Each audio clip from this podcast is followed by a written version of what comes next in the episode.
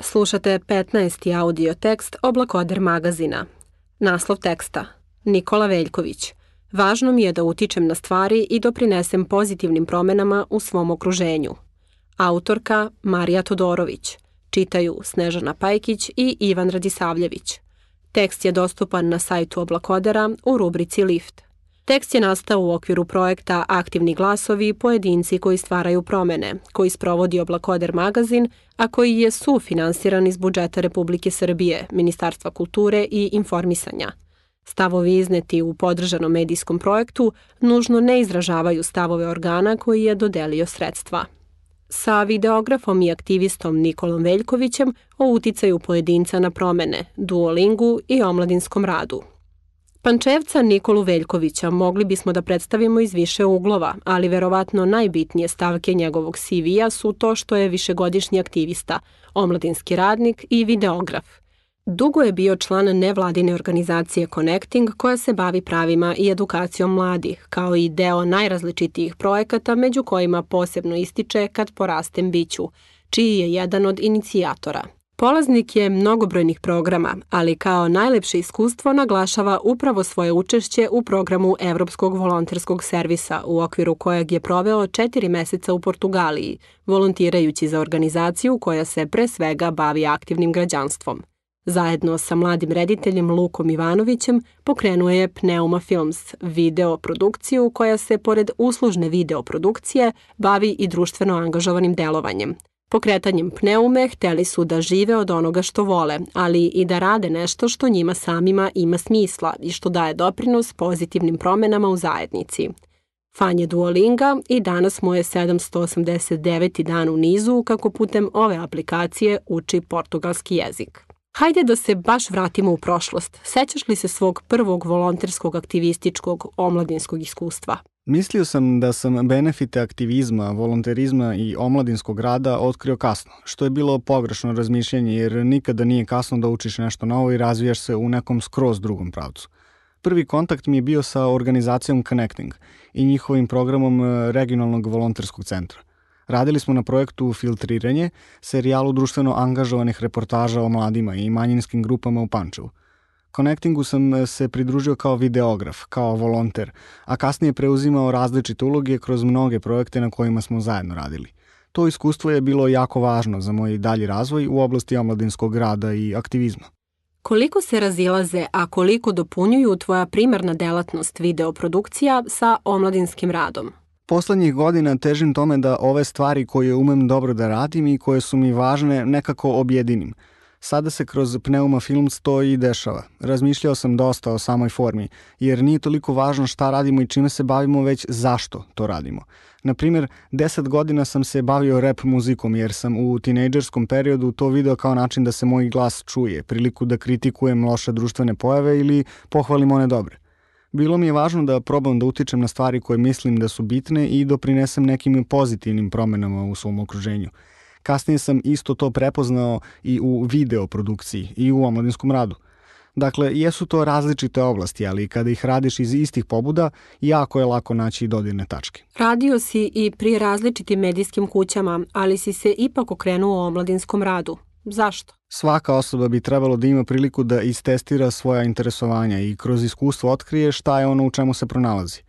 Da, radio sam na lokalnom radiju, televiziji i na portalu 013 Info, ali kada sam krenuo paralelno da radim u omladinskom sektoru, imao sam prve nalete anksioznosti, burnouta i shvatio sam da rad u medijima nije za mene, da ne odgovara mom senzibilitetu. Sa druge strane, omladinski rad mi je davao priliku da radim na sebi i razvijam se na ličnom i profesionalnom planu – Obuka za omladinske lidere je bila prekretnica, jer sam stekao nova znanja, drugačiji način razmišljenja i osvestio svoje skrivene talente. S druge strane, pronašao sam u omladinskom radu još jednu formu kroz koju mogu da radim ono što želim da radim, da doprinosim boljem društvu na neki način koji i meni prija. Kada govorimo o aktivizmu u okviru nevladinog sektora, kolike su promene koje kao pojedinac možeš da ostvariš? Važno je da pričamo o aktivizmu i izvan sektora, o odgovornosti koju imamo kao građani, kao članovi jedne zajednice. Često vidim u okruženju da su ljudi pesimistični po pitanju promena, ali hajde da prvo razumemo da svet nije ovakav po defaultu. već su ga generacije pre nas napravile ovakvim. Gradovi i države, tehnologija, nauka i umetnost, zakoni i ljudska prava, sve to vremenom nastalo zahvaljujući angažovanju pojedinaca, koji su se kasnije pronalazili oko zajedničkih interesa i udruženim snagama doprinosili razvoju civilizacije. E sad, niko ne očekuje od nas da kao pojedinci napravimo epohalne promene, ali svako od nas može dati bar mali doprinos – Baci smeću kantu, izbegavaj jednokratnu plastiku, podigni glas protiv diskriminacije i mržnje, budi dobar primjer mladima. Nismo svi kompetentni u svakoj oblasti, ali je zato važno da razumemo sebe, šta je ono što mi umemo da radimo i kako da to stavimo u funkciju kreiranja boljeg okruženja. Kao kada si me pitala za videoprodukciju, znaš da napraviš dobar video, super, napravi dobar video na neku društveno angažovanu temu. Hajde da svojim delima podstaknemo mlade da se vode pravim vrednostima i da napravimo atmosferu u kojoj će oni sutra moći da urade više nego što mi možemo danas. Dok smo još kod nevladinih organizacija, koje si pozitivne, a koje negativne prakse uočio kada je taj sektor u pitanju? Pozitivno je što uopšte postoje organizacije koje žele da vrše pozitivan uticaj i mladi koji žele da budu deo toga. Ono što vidim kao najveći izazov jeste samo održivost – Da bi opstale, organizacije često prave kompromise. To utiče negativno na kvalitet programa, jer se ne stavlja fokus na ono što je suština problema, već na to da li su ispunjena obećanja donatorima. Ne želim da osuđujem jer razumem kompleksnost situacije i samog problema. Ipak apelovao bih bar na one nevladine organizacije koje se bave mladima da nikada ne zaborave da interes mladih treba da bude na prvom mestu. Pokrenuo si projekat Kad porastem biću, pri kom ste uradili film Obrazovanje za 4.0 revoluciju. Reci nam nešto više o tome. U sklopu obuke za omladinske lidere 2016. godine nastao je program Kad porastem biću koji se bavi razvojem karijere kod mladih. Nemam puno prostora da kažem sve što želimo o ovom programu, pa je najbolje da pronađete connecting na društvenim mrežama i lično proverite šta se sve u okviru ovog programa dešava. A mene svakako raduje da je super ekipa iz Connectinga nastavila da razvija ovu priču i da sam mogao i u prethodnim godinama doprineti kroz različite uloge, prvenstveno kao mentor mladim polaznicima. Kada je reč o filmu, 2018. godine Denise Hoti iz Connectinga je došao na ideju da znanje i resurse koje imamo iskoristimo da ispričamo priču o obrazovanju u Srbiji, o promenama koje donosi četvrta industrijska revolucija, ključnim veštinama i metodologiji formalnog i neformalnog obrazovnog sistema.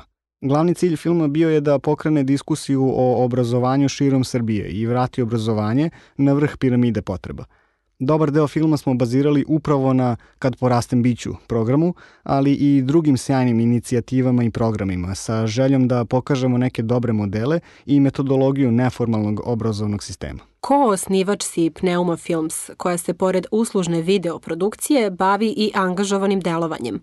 Kojim idejama ste se vodili na početku, a kakve planove imate sada? Kad smo pokretali Pneuma Films, osim što smo hteli da živimo od onoga što volimo, želeli smo da radimo nešto što nama ima smisla, a ima nam smisla da damo doprinos pozitivnim promenama u našem okruženju. Društveno angažovani program Pneuma Filmsa se trenutno grana na dve oblasti, edukativno-razvojni program i različite multimedijalne projekte. Trenutno smo u fazi razvoja biznisa kako bismo postigli samo održivost, tako da društveno angažovani program bude nezavisan i bez kompromisa. Zbog toga je većina angažovanih multimedijalnih video projekata na čekanju, ali trenutno radimo na jednom koji se tiče mentalnog zdravlja i anksioznosti kod mladih. Kada govorimo o edukativno-razvojnom programu, trenutno imamo troje volontera na volonterskoj praksi – svi imaju različita interesovanja, ali konektovana sa onim što mi radimo, tako da oni imaju prilike da svoje interesovanja istestiraju, da prate šta i kako mi radimo, aktivno učestvuju, a imaju i našu mentorsku podršku. Bio si i deo Evropskog volonterskog servisa, pa si tako četiri meseca proveo u Portugaliji. Kakvo iskustvo nosiš odatle?